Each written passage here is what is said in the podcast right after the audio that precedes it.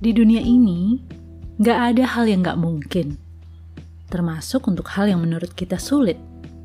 Terkadang, justru kita diizinkan untuk menghadapinya.